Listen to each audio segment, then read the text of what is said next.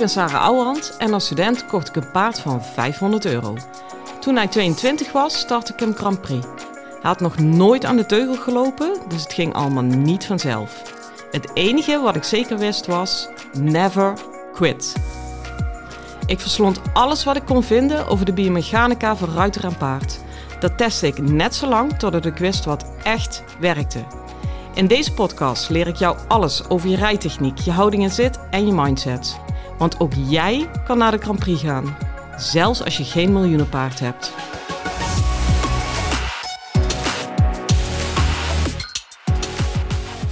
Hey lieve paardenmensen. Hey, ik zit hier in mijn, uh, ja ik wil zeggen B&B, maar dat is het helemaal niet. Appartementje in Domburg Holiday Resorts. Ik zit midden in mijn vierdaagse masterclass, die ik geef in een groep van negen ruiters. Um, maar ja, s'avonds staat er niks op het programma. We zitten allemaal helemaal hartstikke vol van alle informatie. En ik trek me dan altijd even terug. Maar ja, weet je, ik zou Sarah niet zijn als ik dan toch weer bezig ben met paardrijden. Dus ik ben nu, as we speak, bezig met de voorbereiding van mijn masterclass in Ermelo op 1 december. Een vrijdagavond. Ja, jongens, al zeg ik het zelf, het wordt zo'n ontzettend leuke, interessante avond. Uh, het thema is meer naar de hand toe. Ik heb heel bewust gekozen voor deze titel, omdat het altijd meer naar de hand toe is. Wat mij betreft is er gewoon, ja, er is gewoon bijna geen e-, eindstation. Weet je, er is even een moment dat alles klopt en dan begint de cirkel weer opnieuw. Dus um, ja, vandaar meer naar de hand toe. En vooral de vraag, ja, wat speelt daar nu allemaal een rol bij? En eigenlijk het laatste wat een bod daarbij komt, is de hoofdhalshouding. Omdat dat bij mijn idee toch echt een eindresultaat is. En ik zou ontzettend graag willen dat we een keer stoppen met elkaar de kop in te slaan over die hoofdhalshouding. Maar doordat we dus eigenlijk letterlijk wat verder kijken dan onze neus lang is. Ehm, ja, ik ga gewoon aan heel veel radertjes draaien en kijken wat dat doet met de bewegingsenergie.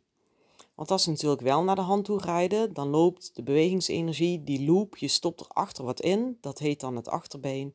En je krijgt voor wat terug in een stille, stabiele, zachte verbinding. Dat is eigenlijk de ideale wereld. Maar op die weg van achter naar voren zitten gewoon heel veel radartjes. Dat is niet alleen een achterbeen. Dat hele paardenlichaam komt daarbij aan bod. Het hele ruiterlichaam speelt daarbij een rol. Alleen al als jij je elleboog op slot zit, kun je erachter zoveel instoppen als dat je zelf wil. Maar ja, dat komt nooit naar voren toe de hand in. Want de energie stopt op dat moment bij jouw elleboog. Um, ja, en bijvoorbeeld een discussie die ik ook aanga met onder andere Frank Jespers, maar ook Kees op het Hoog, dat is een subtop jury.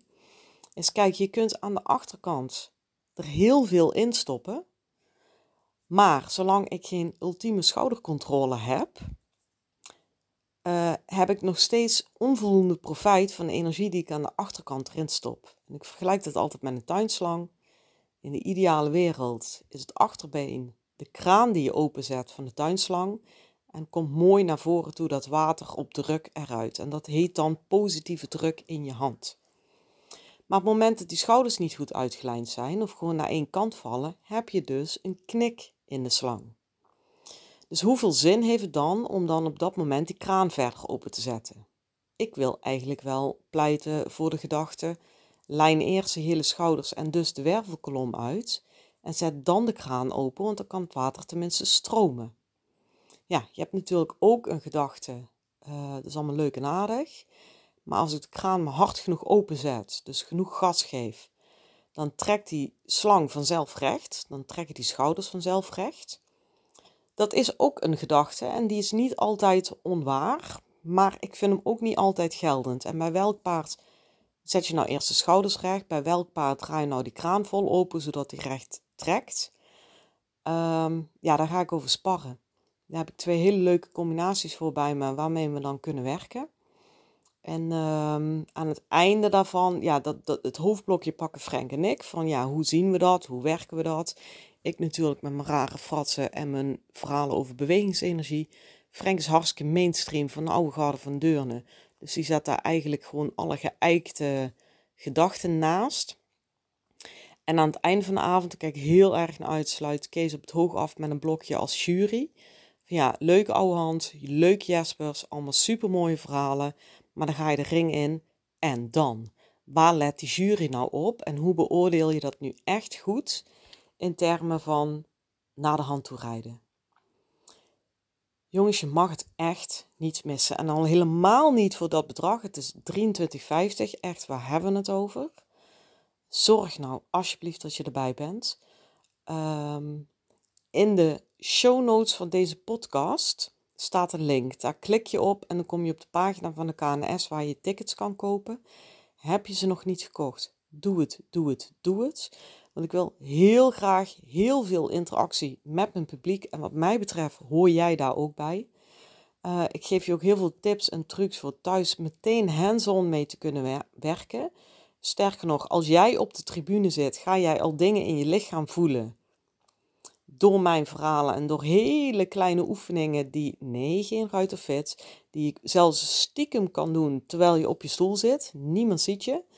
Uh, maar jij gaat heel veel voelen en heel veel nuttige informatie krijgen. Klik even door op de show notes en ik hoop echt van harte dat ik jou ga zien op 1 december. Hoi hoi!